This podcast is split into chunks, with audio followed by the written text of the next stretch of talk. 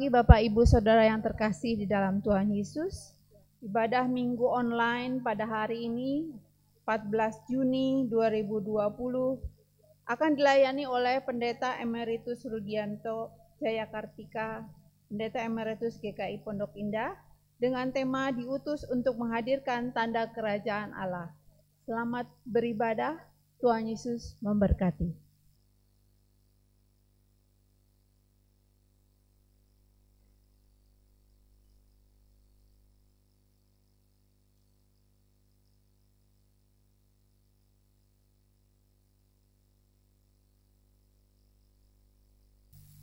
Saudara-saudara, marilah kita memulai ibadah ini dengan mempersiapkan hati kita dengan sungguh-sungguh untuk kehadiran Allah dan pemberitaan firman-Nya. Kami mengundang jemaat untuk bangkit berdiri. Kita akan menyanyikan PKJ 22 bait 1 dan 2. Marilah kita siapkan hati kita.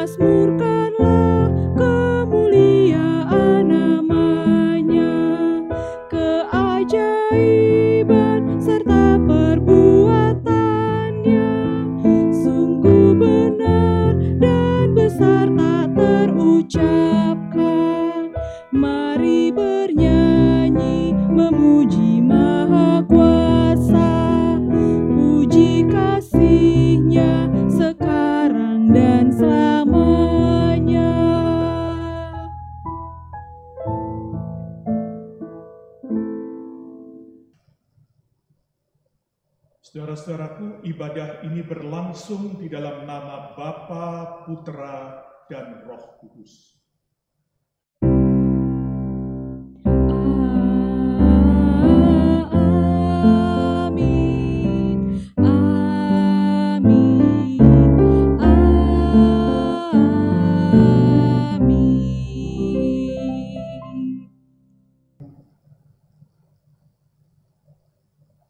Sejahtera dan rahmat Tuhan beserta saudara.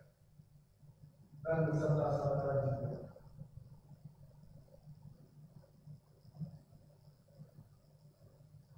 Saudara yang terkasih, kita adalah umat pilihan yang dipanggil menjadi utusannya untuk menghadirkan kerajaan Allah di dunia ini. Tetapi kamulah bangsa yang terpilih, imamat yang rajani, bangsa yang kudus, umat kepunyaan Allah sendiri, supaya kamu memberitakan perbuatan-perbuatan yang besar dari Dia yang telah memanggil kamu keluar dari kegelapan kepada terangnya yang ajaib. 1 Petrus 2 ayat 9, di tengah-tengah situasi pandemi dan kesulitan yang ditimbulkannya, kita seharusnya semakin giat melayani, menghadirkan Allah di tengah mereka yang terdampak. Kita bersyukur atas tenaga medis dan relawan anak-anak Tuhan yang membaktikan diri berjuang untuk membantu mengatasi pandemi ini, bahkan dengan taruhan nyawa. Mereka inilah utusan Tuhan yang menghadirkan kerajaan Allah dengan kasih dan pengorbanan. Namun, apakah kita dapat mengaku dengan gagah bahwa kita telah menjalankan tugas panggilan kita? Ataukah kita dengan malu mengakui bahwa kita lalai dan mengabaikan tugas yang diembannya pada kita. Mari kita berdoa memohon pertolongan dan belas kasihannya atas kelalaian kita. Jemaat, saya undang terlebih dahulu untuk berdoa secara pribadi. Setelah itu saya akan menutupnya dalam doa pengakuan dosa.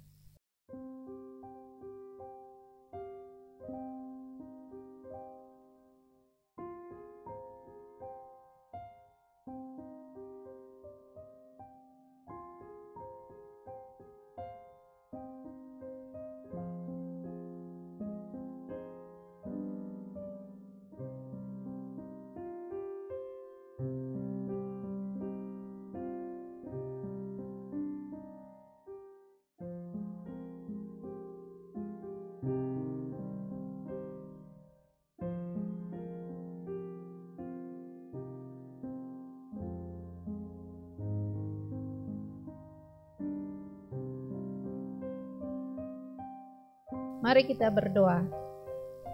Tuhan Allah Bapa kami yang bertahta di dalam kerajaan surga, kami mengucap syukur Tuhan kalau Engkau telah memilih kami sebagai anak-anakmu yang telah Engkau panggil, biarlah di tengah situasi pandemi saat ini kami juga dimampukan untuk boleh menghadirkan kerajaan surga di tengah-tengah situasi yang saat ini kami rasakan membuat kami menjadi uh, khawatir, membuat kami menjadi sedih ataupun kami menjadi bahkan menjadi cemas, takut.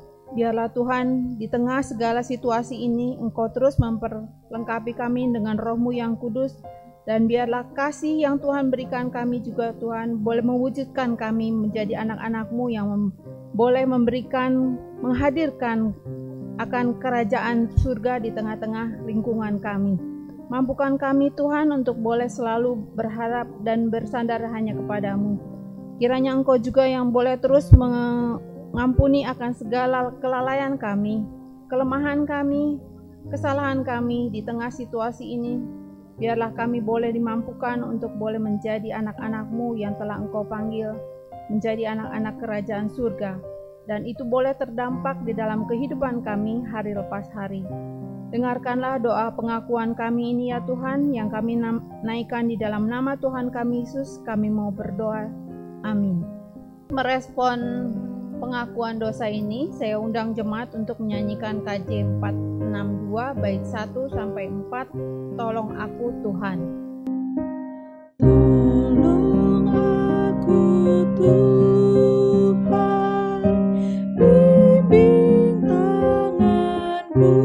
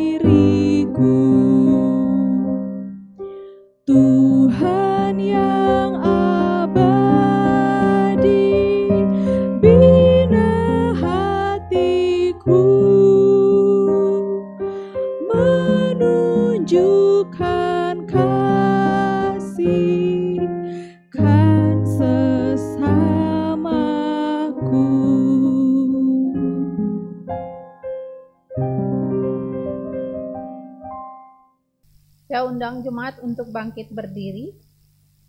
Berbahagialah saudara karena firman-Nya di dalam Roma 8 ayat 30 Tuhan bersabda dan mereka yang ditentukannya dari semula mereka itu juga dipanggilnya dan mereka yang dipanggilnya mereka itu juga dibenarkannya dan mereka yang dibenarkannya mereka itu juga yang dimuliakannya. Demikianlah berita anugerah dari Tuhan. Syukur kepada Allah. Nyanyian umat PKJ 39 bait 1 sampai 2 Jikalau Tuhan tidak menebusku.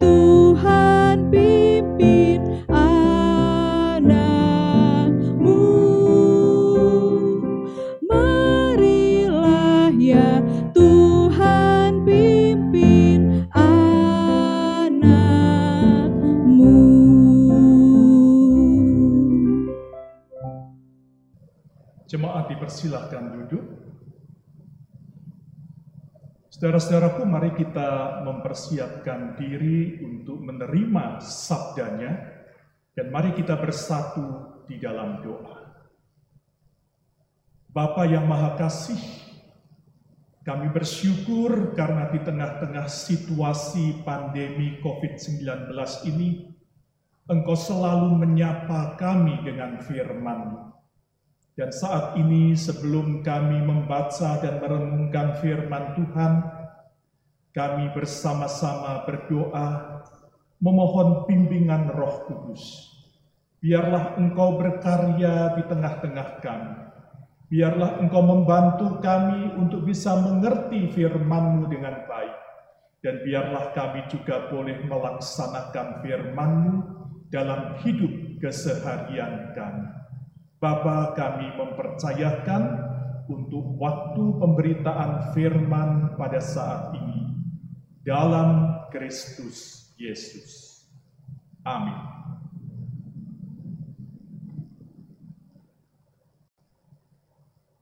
Jemaat yang dikasihi Tuhan, pembacaan kita pada hari ini diambil dari Matius 9 ayat 35 sampai dengan Matius 10 ayat yang ke-8. Matius 9 ayat 35. Demikianlah Yesus berkeliling ke semua kota dan desa. Ia mengajar dalam rumah-rumah ibadat dan memberitakan Injil kerajaan sorga, serta melenyapkan segala penyakit dan kelemahan.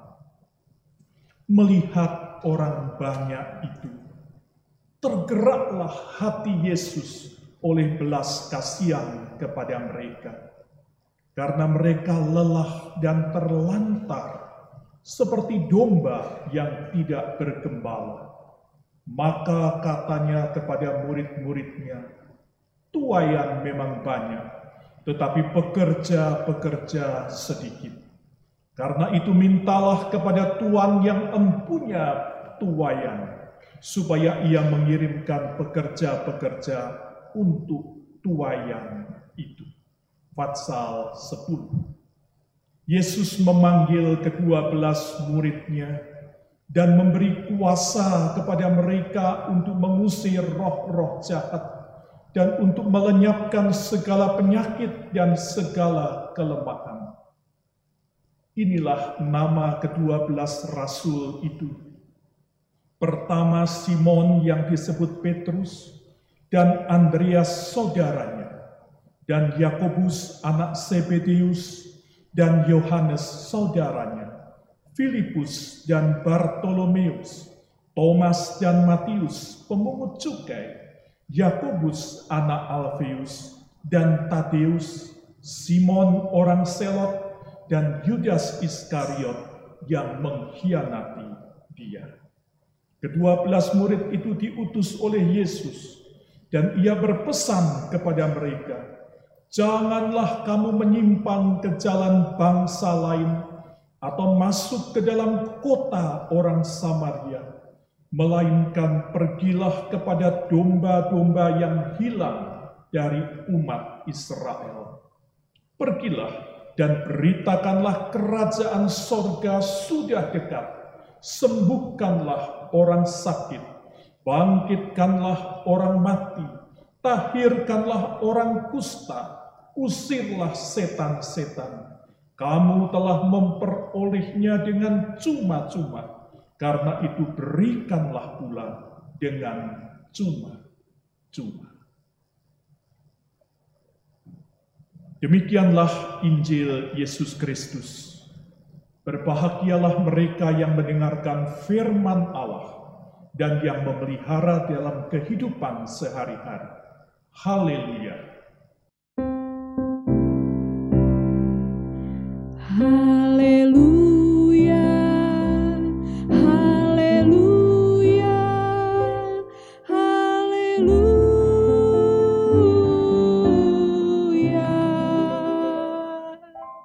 Jemaat yang dikasihi Tuhan, selamat hari Minggu. Entah sudah berapa lama kita tidak berjumpa karena PSBB. Virus corona memang membuat kita harus terpisah dan tidak bisa berjumpa secara fisik. Virus corona juga kadang-kadang menakutkan untuk orang-orang dengan usia tertentu atau punya kelemahan fisik tertentu. Tetapi saudara-saudaraku, virus corona sejatinya juga menyadarkan kepada kita tentang banyak hal dan salah satunya adalah menyadarkan tentang apa arti gereja itu.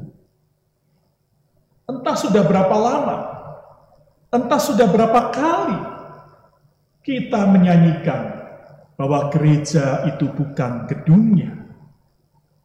Tetapi saudara-saudaraku ketika kemudian ditanyakan kepada kita tentang gereja, katakanlah GKI sarwa indah. Maka pasti kita kemudian segera menjawab, oh GKI Sarwa Indah itu adalah GKI yang ibadahnya ada di gedung sekolah Nusa Indah. Sekretariatnya ada di depannya. Kadang-kadang ibadahnya juga dilaksanakan di sekretariat di lantai dua itu. Nah, saudara-saudaraku, bukankah ketika kita berbicara hal seperti itu, kita kembali berbicara tentang gereja sebagai gedung. Meskipun kita berkali-kali mengatakan bahwa gereja itu bukan gedungnya. Ya, kita harus bersyukur karena virus corona kita disadarkan bahwa sejatinya gereja memang bukan gedung Bahwa gereja itu adalah persekutuan antara umat dengan Tuhannya. Dan gereja itu adalah pelayanannya, ministrinya. Saudara-saudaraku ketika ibadah harus dilakukan di rumah, ketika tidak ada lagi ibadah di gedung gereja, ketika tidak ada lagi persekutuan-persekutuan seperti biasanya, ketika kita harus terpisah satu terhadap yang lain, maka apa yang tersisa? Kita tidak lagi menemukan gereja ketika kita hanya menghayati gereja sebagai gedung gereja. Yang ada hanyalah gedung yang kosong, tanpa umat di dalamnya, tanpa nyanyian, tanpa persembahan, tanpa apa pun yang ada di dalamnya. Tetapi saudara-saudaraku ketika ibadah itu boleh terus berlangsung meskipun melalui media. Di situlah kita kembali diingatkan. Inilah gereja. Persekutuan orang beriman yang tidak pernah dihalang-halangi ketika gedung itu harus ditutup. Ketika tempat ibadah itu tidak bisa lagi dipakai. Persekutuan orang beriman yang boleh terus hadir. Seperti yang saat ini sedang kita jalani. Saudara-saudaraku, beberapa waktu yang lalu saya melayani ibadah Pentakosta secara online uh, untuk DKI Pondok Indah. Dan yang saya sangat menarik, saudara-saudaraku, ternyata seusai ibadah itu saya menerima respon di HP saya. Ya, terima kasih Pak Pendeta untuk khotbahnya, untuk ibadahnya, dan pesan itu tidak hanya datang dari jemaat yang saya kenal. Bahkan ada pesan yang datang dari luar kota, dari Bandung sekalipun. Mereka ikut di dalam ibadah itu. Ya inilah gereja. Gereja ketika kita datang dengan roh dan bersekutu dengan Allah meskipun melalui media online tidak dibatasi oleh gedung gereja, tetapi di situ kita mewujudkan persekutuan orang percaya. Tetapi saudara-saudaraku, gereja tetaplah ketika kita hanya menghayati gereja sebagai sebuah persekutuan semata-mata. Gereja itu juga harus hadir di dalam pelayanannya. Dan inilah yang dimaksudkan dengan tema kita menghadirkan tanda kerajaan Allah. Menghadirkan kasih Allah. Kita boleh tidak beribadah secara fisik seperti sedia kala, tetapi yang namanya pelayanan itu harus tetap berjalan. Tanda kerajaan Allah, kasih Allah itu harus terus kita nyatakan. Sebab tanpa itu gereja tidak mencapai tujuannya. Gereja kehilangan tujuannya. Apa artinya persekutuan? Kalau persekutuan itu hanya sekedar menghayati relasi dengan Tuhan, tetapi kita lupa relasi dengan sesama. Nah, saudara-saudaraku, ketika kita berbicara tentang menghadirkan tanda kerajaan Allah, maka bukannya kebetulan sebelum Yesus mengutus murid-muridnya, Matius mencatat tentang hati Yesus yang berbelas kasihan. Kita membaca di dalam Matius 9 ayat yang ke-36. Melihat orang banyak itu, tergeraklah hati Yesus oleh belas kasihan kepada mereka, karena mereka lelah dan terlantar seperti domba yang tidak bergembala. Saudara-saudaraku, ketika kita bicara tentang pelayanan, ketika kita berbicara tentang kasih Allah yang harus kita bagikan, maka itu semua harus berawal dari hati yang berbelas kasihan. Kita sering kali terlalu egois sebagai umat percaya. Kita hanya memikirkan diri kita sendiri. Kita hanya memikirkan persekutuan kita sendiri. Tetapi kita lupa untuk melihat dunia. Lupa untuk melihat orang-orang di sekitar kita. Di mana ada banyak orang yang kelelahan.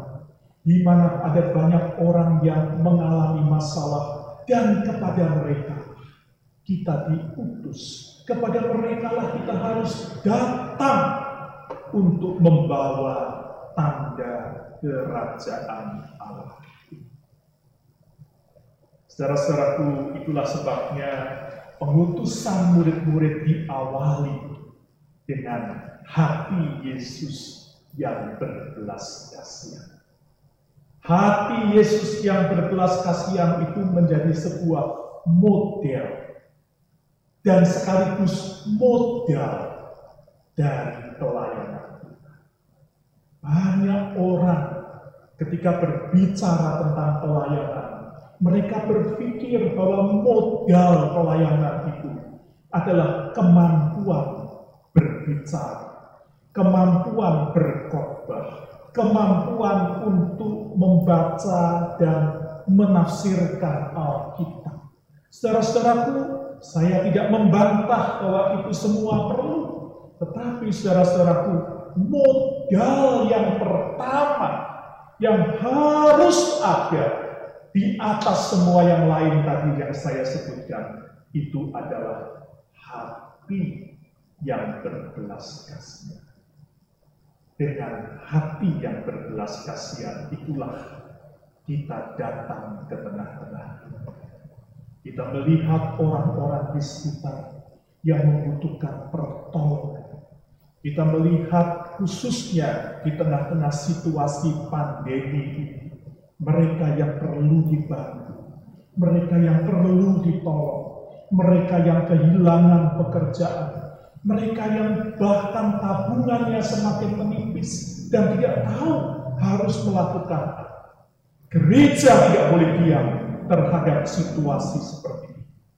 Ini adalah kesempatan untuk kita datang dan membawa kasih Allah. Dan inilah artinya membawa tanda kerajaan. Lalu yang terakhir saudara-saudaraku, kita juga diingatkan melalui pengutusan murid-murid Yesus di dalam Matius 10 ayat yang ke-6. Yesus secara khusus berpesan kepada murid-murid itu demikian.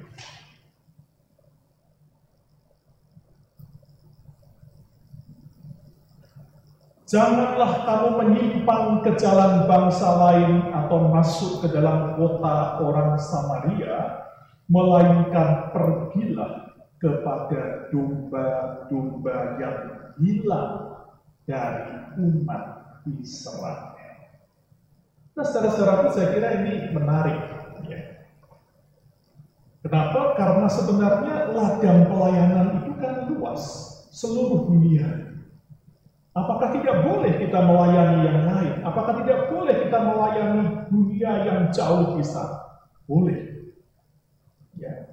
Sebenarnya Tuhan mengutus kita seperti di dalam Matius 28, pergilah ke seluruh dunia sampai ke ujung Tetapi saudara-saudaraku, ketika kita kemudian melihat keterbatasan yang kita miliki, ketika kita melihat berbagai macam hambatan-hambatan yang kita miliki, kita harus menentukan prioritas.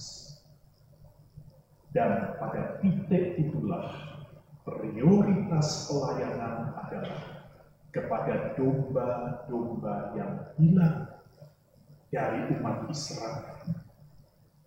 Atau dengan kata lain, prioritas itu harus kita lakukan kepada mereka yang memang hilang, mereka yang menderita, mereka yang susah dari orang-orang yang kita kenal terlebih dahulu. Bahkan dari umat, GKI Sarwa Indah terlebih dahulu. Kita harus saling melayani terlebih dahulu. Kita harus saling membantu terlebih dahulu. Nah, ketika kita sudah bisa melakukan semuanya itu, Ketika semuanya itu sudah sudah utuh kita lakukan, maka mari kita melangkah lebih jauh lagi. Karena di luar sana begitu banyak yang harus kita layani. Di luar sana begitu banyak yang haus akan kasih Allah. Tetapi alangkah ironinya ketika kita banyak keluar, tetapi sahabat-sahabat kita di dalam yang yang susah, tidak tersentuh. Kita harus mulai dari mereka terlebih dahulu. Saudara-saudaraku, hari ini kita diingatkan kembali akan apa arti gereja. Kita bersyukur meskipun kita tidak menghendaki adanya virus COVID-19, kita bersyukur karena melalui virus itu kita tahu sekarang bahwa gereja itu baru menjadi gereja ketika kita tidak lagi berbicara tentang gedung, kita tidak lagi berbicara tentang tempat, tetapi ketika kita berbicara tentang spirit, tentang persekutuan roh kita yang menyatu dengan Kristus dan sekaligus kita yang kemudian keluar dan melayani sesama kita. Pada masa lalu, pada zaman Yesus, belum ada gedung gereja. Pada zaman Yesus yang ada adalah 12 murid yang kemudian diutus untuk melayani. Nah itulah gereja. Dan mari kita mewujudkan gereja yang seperti itu. Tentu kita berharap pada waktunya nanti kita boleh beribadah kembali di gedung tempat kita biasa beribadah. Tentu kita berharap bisa berjumpa dengan sahabat-sahabat kita tetapi jangan putus asa ketika saat ini kita masih harus terpisah satu terhadap yang lain. Sebab gereja harus tetap ada. Dan gereja itu ada ketika persekutuan terjadi. Persekutuan dengan Kristus. Dan persekutuan serta pelayanan dengan sesama itu juga terjadi. Tuhan memberkati saudara. Amin.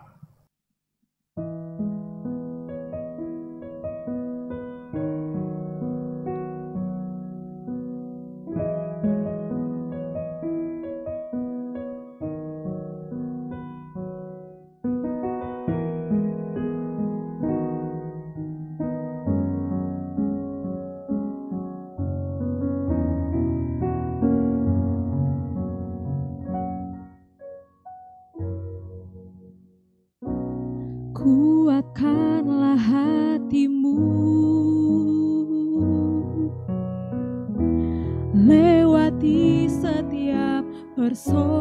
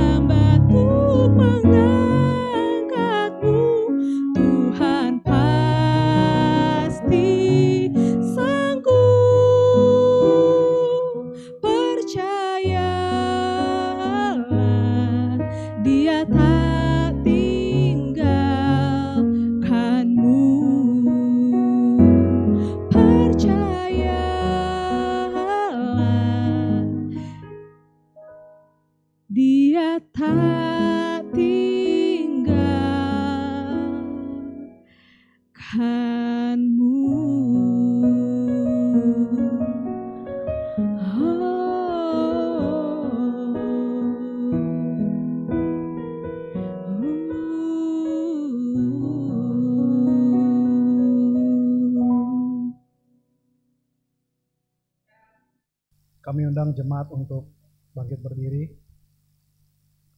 Marilah kita bersama dengan umat Allah di masa lalu, masa kini, dan masa depan mengingat pengakuan pada baptisan kita menurut pengakuan iman rasul. Aku percaya kepada Allah, Bapa yang Maha Kuasa, Halik langit dan bumi, dan kepada Yesus Kristus, anak yang tunggal Tuhan kita, yang dikandung daripada Roh Kudus, lahir dari anak darah Maria, yang menderita sengsara di bawah pemerintahan Pontius Pilatus, disalibkan, mati dan dikuburkan, turun dalam kerajaan maut pada hari yang ketiga, bangkit pula dari antara orang mati, naik ke sorga, duduk di sebelah kanan Allah, Bapa yang Maha Kuasa, dan dari sana ia akan datang untuk menghakimi orang yang hidup dan yang mati.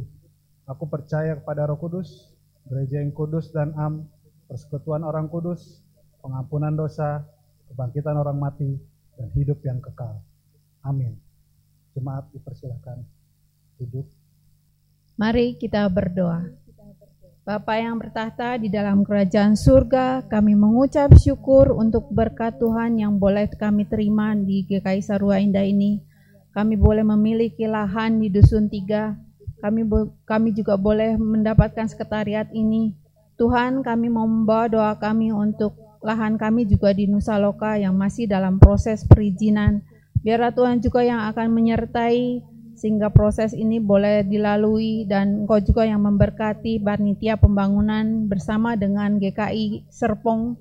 Tuhan kiranya Engkau juga yang akan memberikan pada kami waktunya agar izin ini juga dapat kami peroleh. Kiranya juga Tuhan yang akan memberkati bagi lahan di Dusun Tiga agar boleh dimanfaatkan semaksimal mungkin sehingga boleh berdampak bagi orang-orang di, sekeliling dan juga bagi kami semua jemaatmu di GKI Sarua Indah. Kami juga bersyukur Tuhan untuk sekolah Nusa Indah yang boleh kami pakai di dalam setiap aktivitas gereja kami. Biarlah Tuhan juga yang akan memberkati Yayasan Nusa Indah dan juga guru-guru serta anak-anak murid yang bersekolah di sana. Biarlah Tuhan juga yang akan menyertai dan memberkati. Demikian pula sekretariat Tuhan yang boleh kami pakai di dalam setiap aktivitas kami. Biarlah Tuhan juga yang akan memberkati sehingga aktivitas yang kami lakukan Tuhan memberikan dampak yang baik bagi sekeliling kami, bagi sesama kami, terlebih bagi kemuliaan nama Tuhan. Inilah doa kami ya Tuhan yang kami bawakan di dalam nama Tuhan kami Yesus, kami berdoa. Kami bersyukur ya Tuhan untuk firman-Mu yang boleh mengingatkan kami akan apa arti gereja. Ketika justru di tengah-tengah situasi di mana kami tidak dapat beribadah secara fisik. Maka engkau boleh mengingatkan kami, itulah gereja. Gereja tidak pernah dihalang-halangi oleh gedung yang sementara tidak dapat ditempati. Gereja harus tetap melalui berbagai macam media dan cara. Kami bersyukur bahwa kami boleh terus mewujudkan persekutuan antara kami dengan Engkau ya Tuhan. Persis seperti Engkau dengan murid-muridmu pada waktu yang lalu. Belum ada gedung gereja, belum ada tempat tertentu, tetapi persekutuan relasimu dengan para murid terus terjadi. Dan kami juga bersyukur karena Engkau mengingatkan kami bahwa gereja itu baru menjadi gereja ketika gereja itu nampak di dalam pelayanannya. Dan itulah sebabnya Engkau juga mengutus murid-muridmu. Bapa yang Maha Kasih, di tengah-tengah situasi pandemi COVID-19 ini, kami berdoa untuk gerejamu yang ada di Indonesia dan khususnya juga GKI Sarua Indah. Kiranya engkau tetap mendorong setiap umatmu meskipun mereka itu harus menjalani PSBB tetapi dengan cara mereka mereka boleh tetap membawa kasih, membawa pelayananmu kepada orang-orang yang mereka kenal di sekitar. Dan biarlah dengan cara itu, maka tanda kerajaan Allah boleh tetap hadir dan dilihat oleh banyak orang. Bapa yang Maha Kasih, kami juga berdoa saat ini untuk umatmu yang berulang tahun. Kami berdoa buat saudara Yosua Kot Sagala. Kami berdoa buat saudari Kristi Amelia Ivania. Kami berdoa buat Ibu Magdalena Sukmadewi. Kami berdoa buat Ibu Pujianti Tukino dan juga nama-nama lain yang mungkin belum dapat kami sebutkan tetapi Tuhan mengetahuinya. Bapa, biarlah Engkau sendiri boleh melawat mereka yang tengah berulang tahun ini. Biarlah anugerahmu boleh kau nyatakan, dan biarlah dalam berkat Tuhan, maka kekasih-kekasih kami ini boleh bersuka cita dan melewati hari-hari kehidupan yang Tuhan anugerahkan ini dengan tetap berkomitmen untuk terus membawa kasih Tuhan kepada orang-orang di sekitar mereka. Bapak saat ini kami juga berdoa untuk sahabat-sahabat kami yang di dalam pemulihan ataupun mereka yang saat ini masih di dalam perawatan. Kami berdoa untuk Ibu Gustina Pasaribu Borumarpal, untuk Ibu Mami Palong, untuk Ibu Sarah Jaya Sumadi, Ibu Hana Panjaitan, Ibu Yulia Kristianti, Ibu Virginia Samantas Sapang, Bapak Christian Hutagalung, Ibu Nike Elizabeth Putih, Bapak Yonata Daeli, Ibu Maria Magdalena, Bapak Wahyu Hidayat, Ibu Yohana Triani, Bapak Elisahia, dan juga Pendeta Dr. Thomas Dartomo MPH dan juga mungkin nama lain yang belum dapat kami sebutkan. Tuhan mengetahui, Tuhan melawat, Tuhan menguatkan, Tuhan pulihkan dari segala sakit yang ada. Biarlah di dalam anugerah Tuhan, maka kekuatan dari Tuhan boleh mereka miliki dan di dalam perjuangan mengatasi segala sakit ini, Tuhan boleh berkati sehingga pada akhirnya segala kesembuhan Tuhan boleh berikan. Bapa yang Maha Kasih, kami juga berdoa untuk upaya pemerintah untuk mengatasi pandemi COVID-19 ini. Tuhan kiranya Engkau juga menyertai sehingga segala upaya itu boleh membuahkan hasil yang baik. Kami juga berdoa untuk upaya pemerintah mengatasi krisis perekonomian karena dampak dari COVID-19 ini.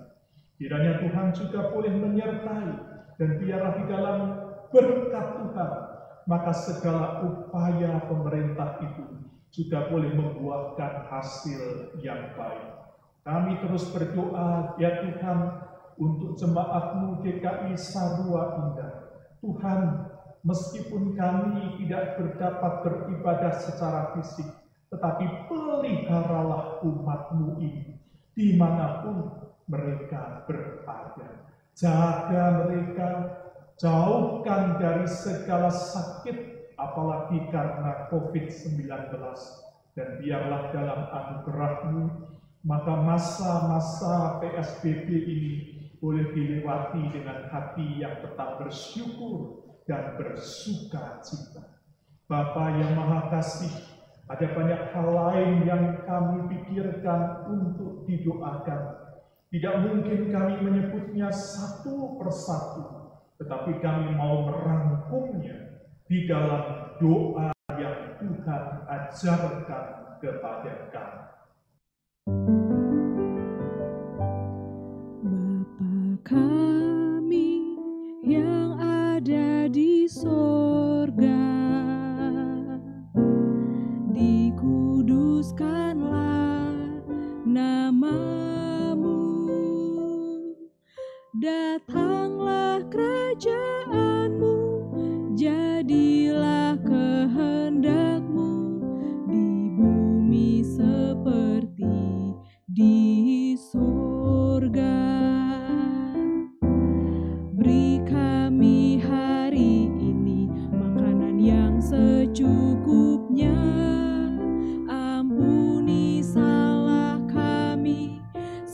kami ampuni yang bersalah pada kami.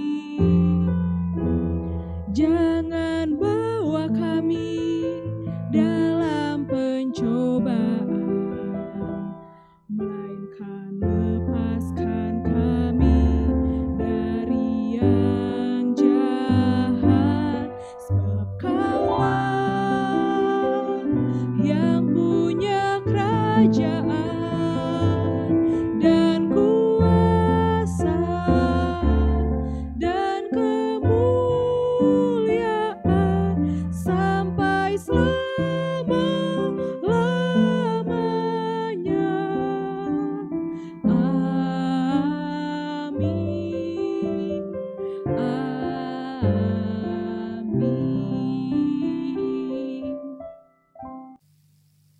Saudara-saudara yang dikasih Tuhan, dengan penuh syukur mari kita bawa persembahan kita seraya mengingat firman-Nya dalam Hosea 6 ayat 6.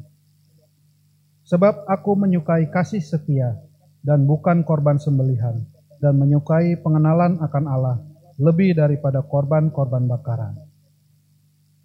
Mari kita menyanyikan KJ 365B bait yang pertama dan yang kedua Tuhan ambil hidupku.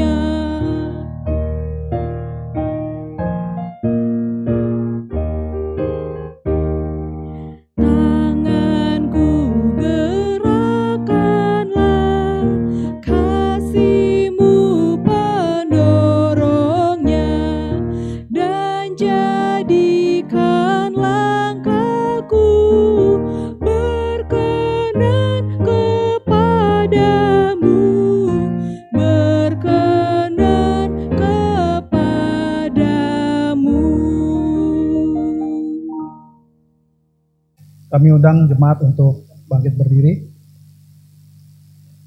Mari kita berdoa. Bapa kami yang di sorga di dalam nama Tuhan Yesus, terima kasih ya Bapa untuk firman-Mu yang telah kami dengar pada ibadah pagi ini. Semoga firman-Mu bisa seperti benih yang jatuh pada tanah yang subur, sehingga berakar, bertumbuh, dan berbuah di dalam kehidupan kami. Diberkatilah juga hambamu yang telah menyampaikan firman, agar selalu sehat, dan engkau pakai lebih lagi ya Bapa di dalam pelayanannya, agar banyak jiwa-jiwa dimenangkan. Sekarang kami juga bersyukur ya Bapa, kami telah merespon firman-Mu dengan memberikan persembahan. Sucikan dan kuduskan persembahan kami ini ya Bapa. Diberkatilah tangan-tangan yang telah memberikan dengan rasa syukur. Berkati juga tangan-tangan yang mengelola persembahan ini, mengelola dengan rasa takut akan Engkau untuk pelayanan di gerejamu ini, di tempat ini, dan menjadi berkat bagi banyak orang. Tidak hanya dengan persembahan ini, tapi ajar kami juga ya Bapa, agar kami bisa mempersembahkan tubuh kami ini sebagai persembahan yang hidup, yang kudus, dan yang berkenan kepadamu, karena itu tidak itu adalah ibadah yang sejati. Inilah doa kami ya Bapa, kami berdoa di dalam nama Tuhan Yesus Kristus. Amin.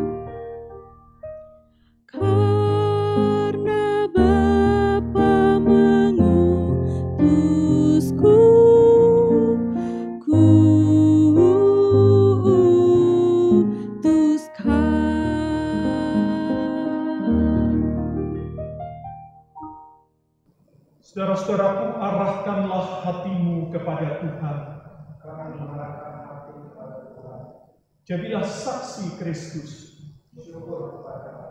Terpujilah Tuhan. Saudara-saudaraku, kembalilah dalam kehidupan kita sehari-hari, ke mana kita diutus Tuhan untuk menghadirkan kerajaan dan terimalah berkat Tuhan. Tuhan memberkati engkau dan melindungi engkau. Tuhan menyinari engkau dengan wajahnya dan memberi engkau kasih karunia. Tuhan menghadapkan wajahnya kepadamu dan memberi engkau damai sejahtera. Haleluya. Haleluya.